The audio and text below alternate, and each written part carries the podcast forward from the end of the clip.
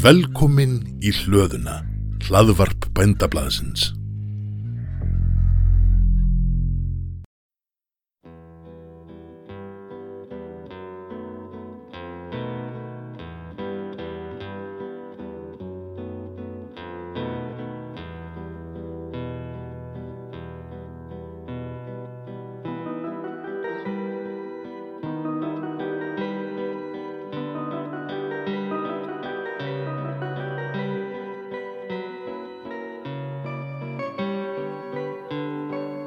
Góðan daginn hlustendur, þið eru að hlusta á blöndu hlaðvarpstátt sögufélags.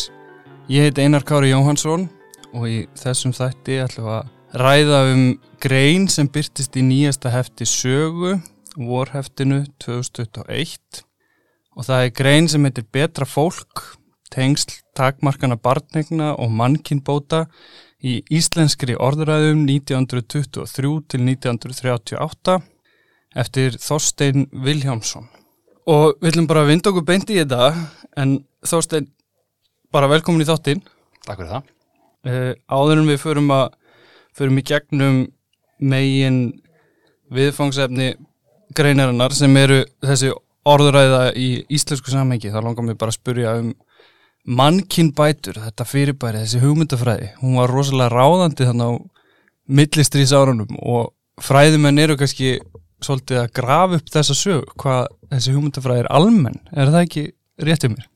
Jú, það er, uh, saga þessar ára er eiginlega bara óskiljanleg án þess að taka tillit til mannkynbóta.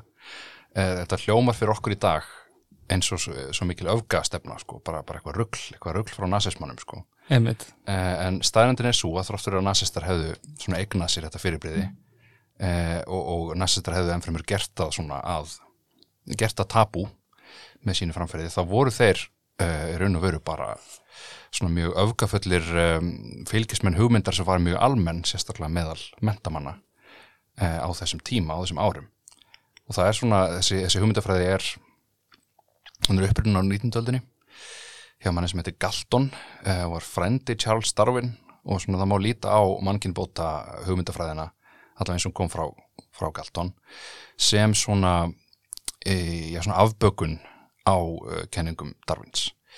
Darwin sjálfur er nú saglus af þessu heldur megin að segja en hann en jú, það, það var sérst þessi hugmyndafræði um það að rétt eins og það er hægt að kynbæta dýr og plöntur þá eigi að gera það sama við fólk. Og um, og á, sérstaklega á millistrísárunum eftir fyrir heimstyrjöldina þá var eins og það var bara algjör sprenging í vinsældum þessar hugmynda. Og því að fólki þótti sem svo að, um, að sagt, hörmungar fyrir heimstyrjöldinar hefðu bara sínt fram á það að þurfti að gera eitthvað gríðarlega rótækt í samfélagsmálum, almennt. Það þurfti að eh, koma í vekk fyrir fjölgun uh, örega, uh, vöxt risastóra stórborga og það þurfti að bæta, um, svo bæta, sumir töluðum að bæta bara kynþáttinn uh, og lítið á þannig, aðrir töluðum að rækta upp svona góða mann eiginleika sem yfirleitt voru eiginleikar sem voru tengdir við hinnar, hinnar efri stjettir Já. Þetta sem sagt eh, og mannkynbætur þannig geta verið mjög víðar. Það geta byrst á, á mörgum formum. Það geta byrst á óbúslega rasískum formum eins og við gerðum sérstaklega í bandaríkjunum og e, í Þýskanaldi eða þær geta byrst e, raun og veru á svona forsendum eða á e, allavega svona orðræðu forsendum jafnréttis eins og þau gerðu í Skandinavíu. Einmitt. Og þetta var þetta var svona viðtekin hugmyndafræði í öllum flokkum og öllum stefnum hjá sósalistum og þjóðnisinnum og, og íhaldsmönnum, er það ekki rétt? Jú, um, það er allavega fundust í, í öllum, öllum flokkum og öllum stéttum. Það voru til dæmis mannkynbætur stundaðar í Sovjetríkunum. Tráttur að, um, að svona, uh, þáttur að þeir höfnuðu náttúrulega í Sovjetríkunum ímsum, ímsum svona þessum við tengjum kannski hérna helst við þessar hugmyndir. Það var einhver síður uppi hugmyndir um það að bæta verka, verkamennuna, Já. uh, bæta verkalíðin og hérna losa sig við einhver svona einkenni sem þóttu einkenna hinn úrkynniðu spiltu borgarastjett og svo framvegis. Þannig að það var eiginlega hægt að grípa, þessi hugmyndafræði var mjög víð og það var engin biblía í henni, það var engin, engin dogmatík Nei. eh, eða allavega mjög lítið af henni, þannig að það var einhvern veginn hægt að grípa það úr þessu, eh, þetta var svona blandi póka, hægt að tekið upp úr þess að það vildi. Já. Og þú talar um í greininni til dæmis tvær nálganir á, á framkvæmd á svona mannkinnbótum, það er að segja svona jákvæðar mannkinnbætur ef að hægt er að segja það og svo neikvæðar eða harðar og mjúkar. Getur aðeins sagt hvernig munurinn á þessu? Já, þetta er smáflókið, býst ég við þarna smarjúlandi eh, þess, þetta er bara þarna er þetta jákvæðar mannkinnbætur hljóma náttúrulega eins og oxymoron sko Já, þversögn í sjálfu sér en, en uh, þetta er nú bara þýðing á, á positive. Já, uh, og positive getur náttúrulega runnur þýtt fleiri heldur en jákvætt. En, en þar, þar sé að mannkipætu þetta stund á tvennan, tvennan hátt. Annars vegar með því að uh, hvetja hérna æskilegu hver, hvernig sem þeir eru skilgrendir til þess að eignast fleiri börn. Mm þetta eru jákvæðar mannkipætur og það er líka hægt að letja hérna óæskilegu hvernig sem þeir eru skilgrendir frá því eignast börn. Og þetta eru kallað neikvæðar mannkipætur og sko þessar neikvæðu mannkynbætur þær voru, það, það var svona til tvær leiðilega stunda það. Og út að neikvæðu mannkynbætunar eru raun og veru miklu svona, miklu áhugaverðari sögulegt subjekt. En það var hægt að gera þetta á mildan hátt, svo bara með kvartningu, með dreifingu getnaðavarna með uh, áróðri með fræðslu að, Mhm. að fá fólk til þess að takmarka batningu sínar. Eða það var hægt að gera þetta á harðan máta. Og þá var sérst beitt þvingunum á einhvern nátt uh, einhvers, einhvers konar beinum aðgerðum uh, sem gáttu verið gáttu verið þess að uh, allarið upp í að vera þvingaðar ofrössumis aðgerðir eins og til dæmi nazistar stunduð emitt og í íslenskri orðuræðu eins og þú sýnir fram á í greininni byrtast svona flestar þessar nálganir allavega rætt um þær. Og ef við byrjum bara í upphafi greinarna þá þá má segja að Guðmundur Hannesson sé einhvers konar eh, frumkvöðl í því að byrja að ræða þetta. Getur hann sagt okkur sem stuttumáli hver hann er og, og hvað, hvað hann stóð fyrir og talaði um? Já, Guðmundur Hannesson er, er náttúrulega mjög áhugaverður karakter. Mm -hmm. uh, hann var einna fremst meðal lækna á 20. stöld uh, var stórmerkilegu sem slíkur, ég held hann að við mér er sagt um daginn, hann, hann hefði verið fyrsti maðurinn sem framkvæmdi skurðaðgerð á Íslandi uh, hann var ennfremur algjör frumkvöðl í, hérna, uh, í uh, húsabyggingu og hérna, byggðaskipulagi. Skrifaði um það, var líka svona algjör frumkvöðl í því. Já, emmitt uh, hann á frækt ritt um, um skipulag bæja. Já, sem var endur útgefið ekki fyrir svo mörgum árum minn mig. Einmitt. Og hérna, já, síðan stopnaði læknafélag, læknafélag Íslands var formaður þess uh, um stuttskeið hann stopnaði læknablaðið fyrst var heldur læknablaðið bara handskrifað af honum sjálfum. Og uh, já, bara, þetta er stórmerkilum maður einn af stóru, stóru fíkurunum uh, á fyrirluta 20. aldar á Íslandi. Uh, hann sem sagt í sínum læknistörfum svona, það er eins og hann já, veki, ákveðu veki fyrst máls á ákveðinu samfélagsþróun sem var að verða. Og hann talar um það þarna í, í greinar 1923 að hann hefði fengið heimsort frá konu sem að bað, hafði beðun um aðstóð til þess að komast hjá því eignast börn á hverju ári. Eh, og Guðmundur Hannesson, hann, það er greinilegt að hann hafði ekki bara díla við þetta áður. Og uh, hann taldi að aðra læknar hefði heldur ekki díla við þetta áður, bara fá þessa spurningu fá þessa þarna. Og Guðmundur gætt ekkert, gætt einhver svarað hann, hann kunni engin ráð og ennfæður mér þó vildan ef hann ætlaði að gefa einhver ráð hafa eigin mann hennar viðstatan nú uh, og þá sér satt Guðmundur fer þó að kynni sér svona hva, hverju hann geti svarað með því að lesa erlenda, að lesa ákveðna bók og segir síðan frá þessari bók í læknablaðinu.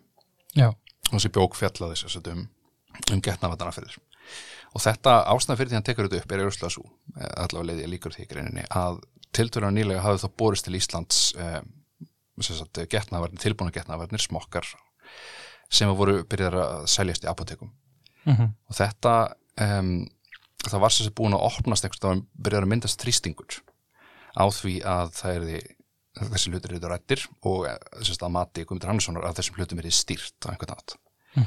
því hann taldi ekki að þetta gerast af sjálfu sér. Og sérst, hans hugmyndir um hvernig þetta stýra þessu eru þessar hugmyndir sem eru fljótandi á millistrísarunum meðal mentamanna, þetta eru hugmyndir um mannkynbætur emmitt og hann byrja strax að tala um uh, betra fólk og að, að, hérna, að það ætti kannski að vísa þeim eða sérst að vísa getnavörnum að óæskilegri aðlum sem ætti ekki að eignast börn en þú hefur áður skrifað um getnaðavörnir á Íslandi svo að þetta tengist kannski beint þeirri grein sem byrtist í sögu 2019, ekki satt?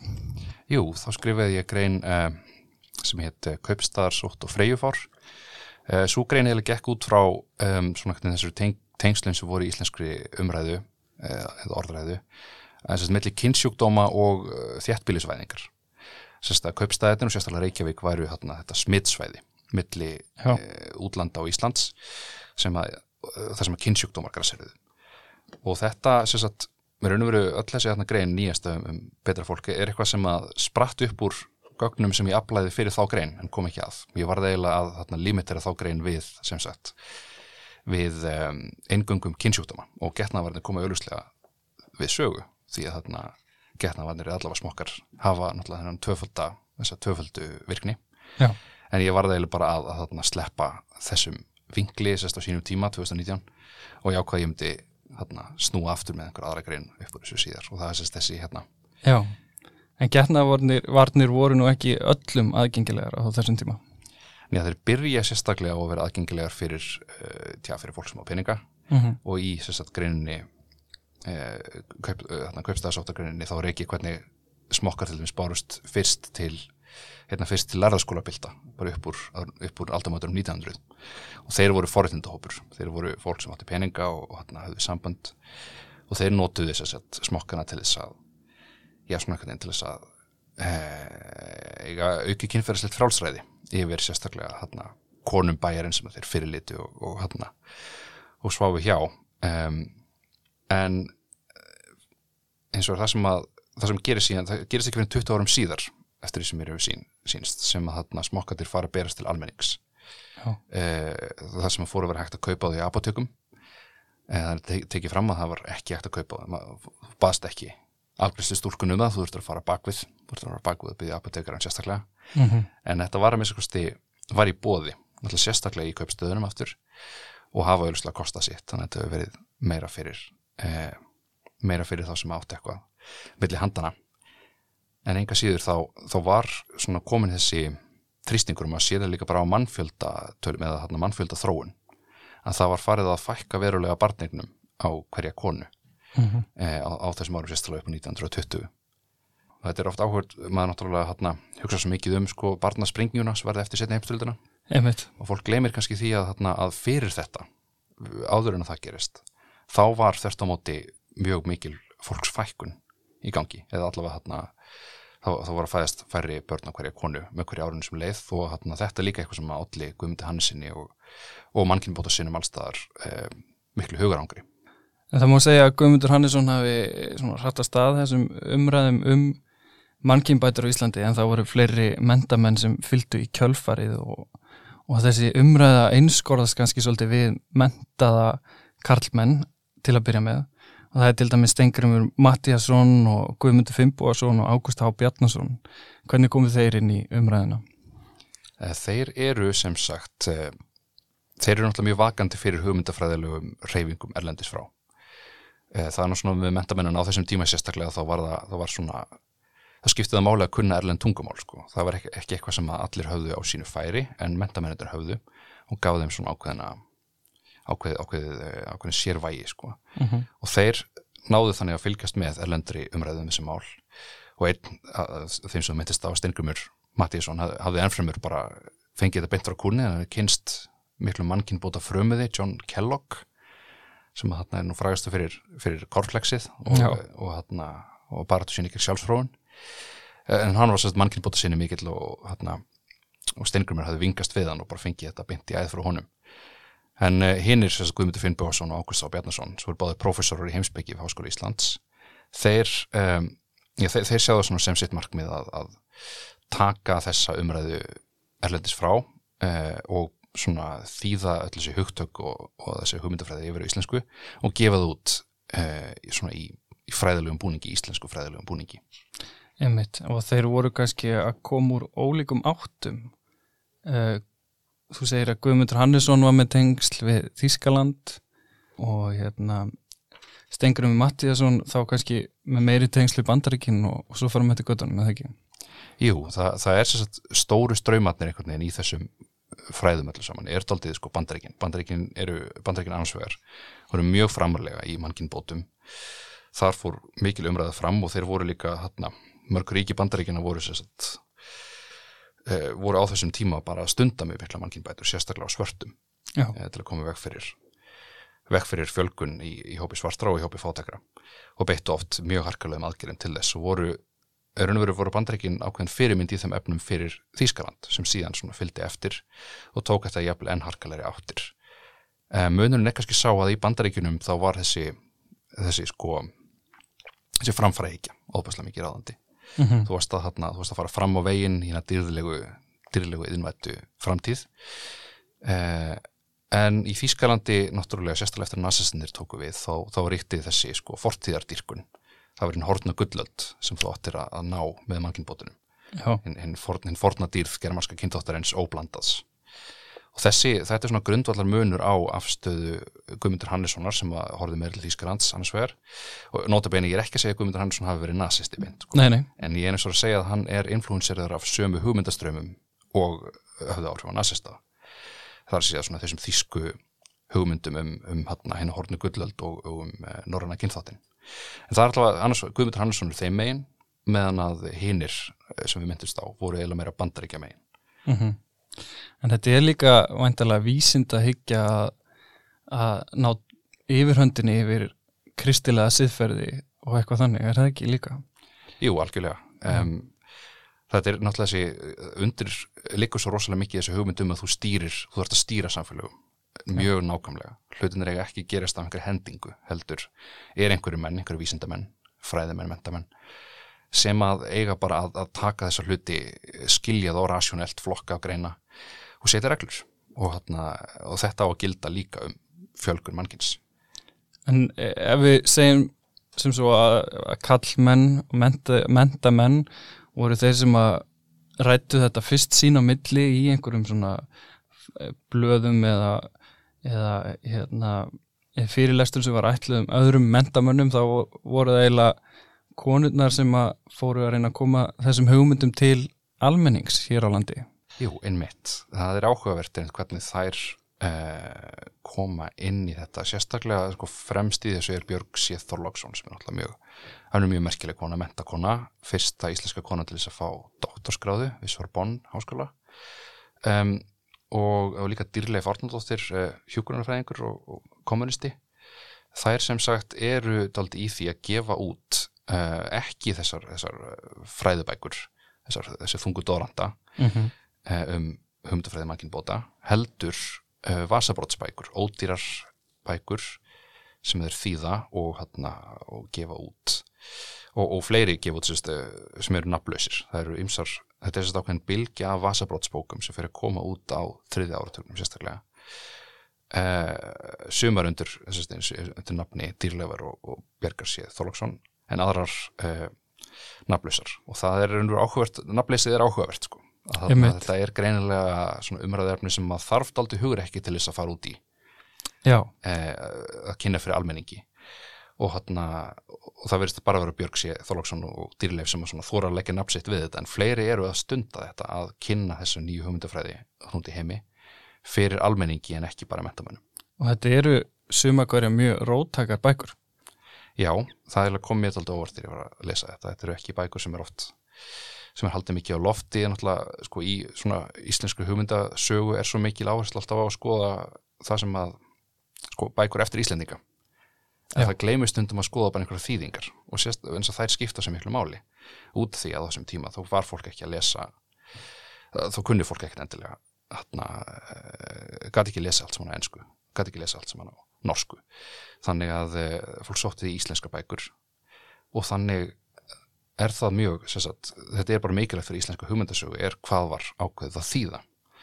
Og það er um það sem að Björg sé Þorlóksson til dæmis gerir með því að þýða hérna frægubók Hjóna Ástir eða Married Love eftir Marie Stopes.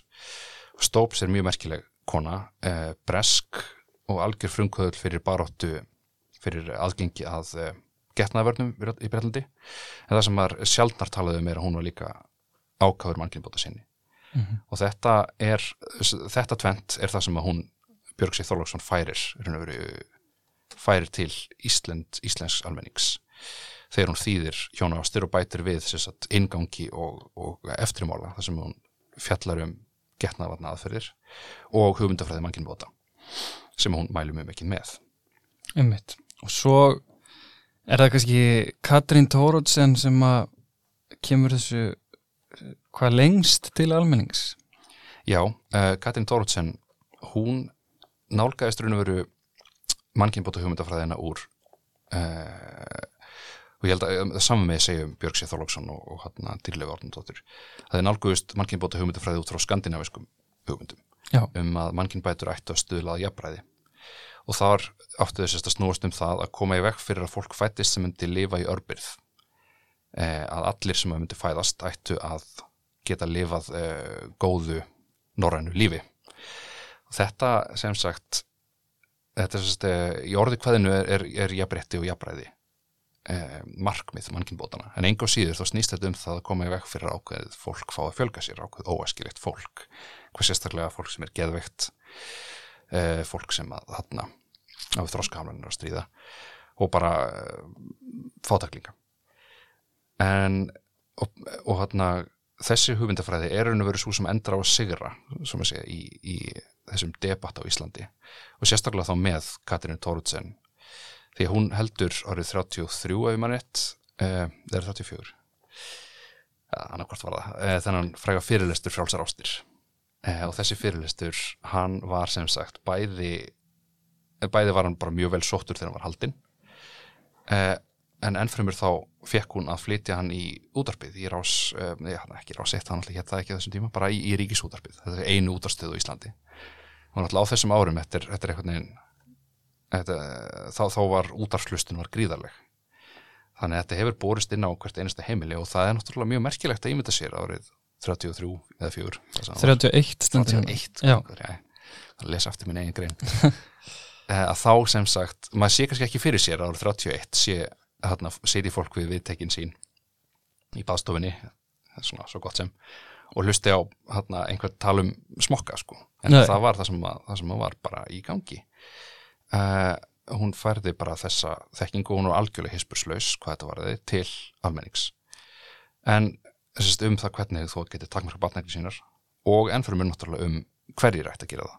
Já, og þar kemur einmitt aftur fram þessi skandinavisku hugmynd þú ætti að að takmarka batninginar ef þú ert fótakur, ef þú hefur ekki efna á fleiri börnum og ef að þú, ef að manneskja er veik á geði, ef manneskja er með arfgengar um, einhver arfgenga kvilla þá á ennfremur að að eh, taka þig úr umferð.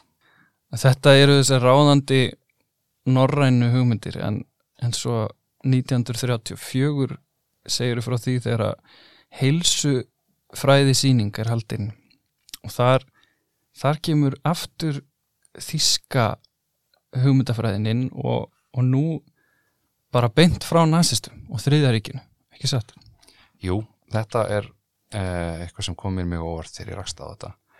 En það var sérst að þannig að, að þarna er haldinn sérst að 25 ára afmæli læknafélags Reykjavíkur.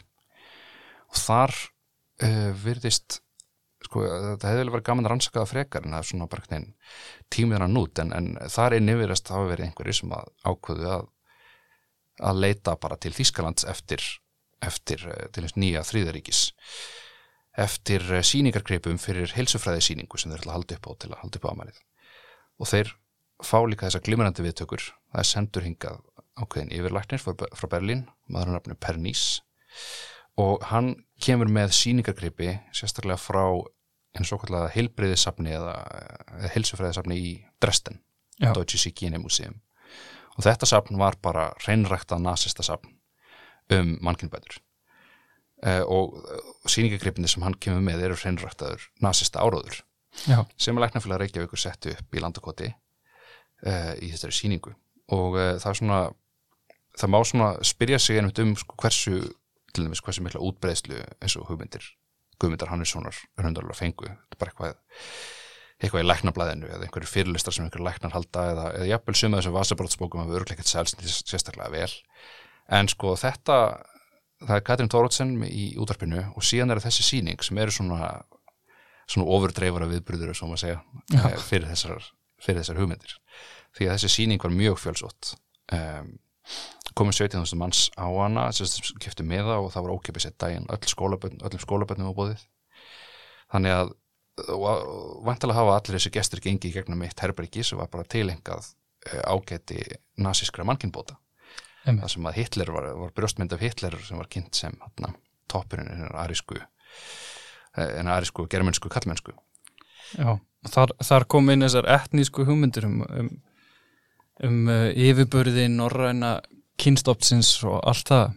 Innmitt sem að Guðmundur Hannesson hafði nú áður kynnt fyrir Íslendingum þessar hugmyndir sko um að þarna Íslendingar væru sérstaklega reynd og óblandan norrænt kyn eh, sem bæri að vernda og halda upp á þannig að eh, sérstu raun og veru það hafði svona, það var búið að undirbúa þessa síningu eða einhverju leiti þráttur að nazistarnir auðvitslega svona settu svona kemur náttúrulega set, settu það fram á miklu dolgsleiri hátt heldur en hafði áður verið gert Einmitt. En það var nú ekki farið í þessa þýsku átt. Það var uh, kannski má segja að íslenskir mentamenn hafi haldið sér svona frekar nær Norðurlöndum í þessum efnum og svo kom að því á fjóraða áratugnum að, að það var reynd að koma þessu í lög og það var Vilmundur Jónsson landlæknir sem stóð helst fyrir því. Já, eh, Vilmundur, hann verið sem sagt hafa verið eh, svona sammála Katrínu Tóruðsen og verið á skandinavisku lýrunni hvað þetta varði. Hann var eh, mannkinn bóta sinni eins og hann allir hinni sem að hér hefur minnst á en hann hafði óbeitt á uh, nazismannum og svona þessari þjóðernis uh, nei, segjum ekki þjóðernis þessari, þessari svona kynþótta orðræðu sem hann sérstaklega sérst, hann mótmælti harkalega Guðmundi Hannesinni og hans hugmyndum. Í, og tók sérstaklega fram sérst, að þess, hans uh, lagalegu aðgerir væru ekki sprotnar af þeirri rót. Hins vegar var það enga síður alveg skýrt að hann hann setti þess að tvenn lög uh, árið 35 og 38 þegar samti þessi lög og let, letu fari gennum alveg þingi Mm -hmm. uh, um hans vegar um takmarkari barnirna, um getnavarnir og um þunganarof og um ofruðsemisaðgerir og þetta, þessi lagabólkur bar, allt, bar mjög sterkan mannkynbóta kem úr skandinavisku áttinni það sem að það var leift leiknum var gert skilt að upplýsa um að veita upplýsingar um takkamskarinn barnegna til allar, þeir, allar þeirra kvenna sem báðu um það. Og það er mjög áhugavert að segja þess að lögin segja kvenna. Eru, það átti ekki og, og það má ekki setja inn skilir eins og viðveri eiginmanns.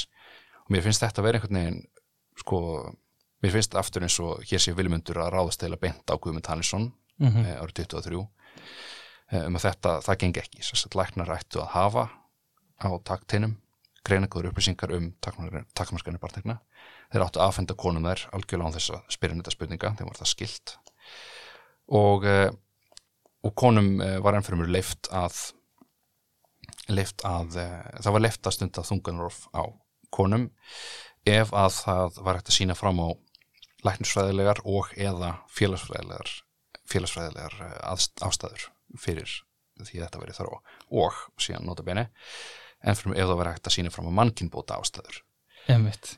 að það væri sérst einhver hvað er að kalla þarna? Kyn, kynfylgjur slæmar kynfylgjur eins og það var orðað. Ef það var álitið að það væri hætta á því að barnið væri haldið yllum kynfylgjum þá var þungunarof enn fyrir leift Og það gæti verið ímislegt Já, það, þetta verist aðalega þetta er alveg óbúslega matskent sko en það verist aðalega hafa verið þannig að ef að kona hafði átt barn áður sem þótt einhvern veginn óaskilegt það var eins og það væri álitið að næsta barn væri demt til þess að vera það líka. Og þá sem sagt ætti það að opna á e, þungunarof En þú blandar inn í þetta umræðu um aðgerð sem var gerð í Vestmannum af lækni sem heit Páll Vafki Kolka. Getur þú sagt okkur aðeins frá því máli öllu? Já, þetta er annað sem ég rakst á sem mér fannst, fannst allt svakalegt það var framinn að, að gerð nú er ég alltaf að glema nákvæmlega hvað árað var, var það 30 Eh, það kemur hérna árið 32 32, já. Já. Einmitt, þá var framinn ákveðin aðgerð í Vestmannegjum að Páll Vafki Kolka hann hafði undir höndum 19 ára gamla konu Mhm. sem að uh, lagðist inn til þess að í þess að botlanga skurðagerð en það sem hann endaði á að gera að beðinni foreldra stúlkunar var að gera hann ófrjóa og ástæðan sem hann gaf upp og hann bara gaf þetta upp mjög skýrt í bara læknaskíslu eh, sem hann skrifaði var semst að konan væri hún eh, hefði átt tvö lausalegsbörn með útlendingum eh, hún var með kynnsjúkdóm og það er bara komið veg fyrir að hún fjölgaði sér. Og þetta var gert að beðni fóröldrana og þetta sem sagt Vilmundur Jónsson var þá nýjörun landlæknir og hann las þessa skýslu og uh, hann greip þann til aðgerða. Mér finnst mjög skýrt að, að þarna, þarna fannst Vilmundi sko, eins og hér væru mannkynbóta hugmyndir komnar inn sem honum líkaði ekki sem hann vildi berast gegn. Já. uh, og hann sem sagt hann kerði þennan lækni. Hann kerði hann bara hennar til lauruglunar og lauruglan gerði rannsókn. Og hann og álið bara hann væri hann hefði bara læknir viðkjöndi bara eh, það sem hann hefði gert en taldi þetta eins og réttleitanlegt bara einhvern veginn ljósið þess að fóröldarnir hefði beðið um þetta og, og veist og svona liggjur undir niðri bara út af því að út af þessi konu var bara svo óeskileg um, lækninu var nú ekki gerðin en refsing en það sem að sko Vilmundur tókt aldrei úr þessu var bara að, að það ríkti lögleysi í þessum efnum. Það voru engin lög á Íslandi um ofrisum sakkirir og það sem að Vilmundur verist þess að hafa sínst væri það að læknar væri bara að framkvæma þetta vilja vekk, þau væri bara að þeir hefðu ekkert neginn frelsi til þess, að, til þess að gera þetta af hvaða orsökum sem var Mhm. og þegar hann setur sín lögum vilmyndur þá hann skrifar hann mjög ítalega greinagerð þar sem hann sérst, talar um að það eru ymsir í þjóðfæleginu sem myndu vilja misbeita þessum aðgerum og spyr bara hvernig er það ekki augljóst hverja það eru sem á að gelda og hann orðar þetta svona sko. og það er líka alveg augljóst að það sem undirlikur er þessi þarna aðgerð í vestmannegjum og, og eru hugmyndir uh, Guðmyndar Hannesson sérstaklega um, um uh, að bæta henni norranna kynþótt Einmitt. En það er þá margt búið að gerast á þessum 15 árum sem að þú fjallar um frá bara fyrstu umræðu um mannkynbætur í, í lokum mentaringjum og, og svo er þetta komið í íslenska lög, lögkjöf. Já, þetta gerist hratt um, en maður verður náttúrulega að skilja það sem svo að þetta er einhvern veginn svona þrýstingur uh, þrýstingur að neðan sem að einhvern veginn neyður þetta upp á yfirborðið. Uh, síðan náttúrulega oft þegar maður náttúrulega er að skoða löggjöf á Íslandi þá bara af hverju komið þessu lög? Svarið er yfirleitt út því þau komið í Danmörku.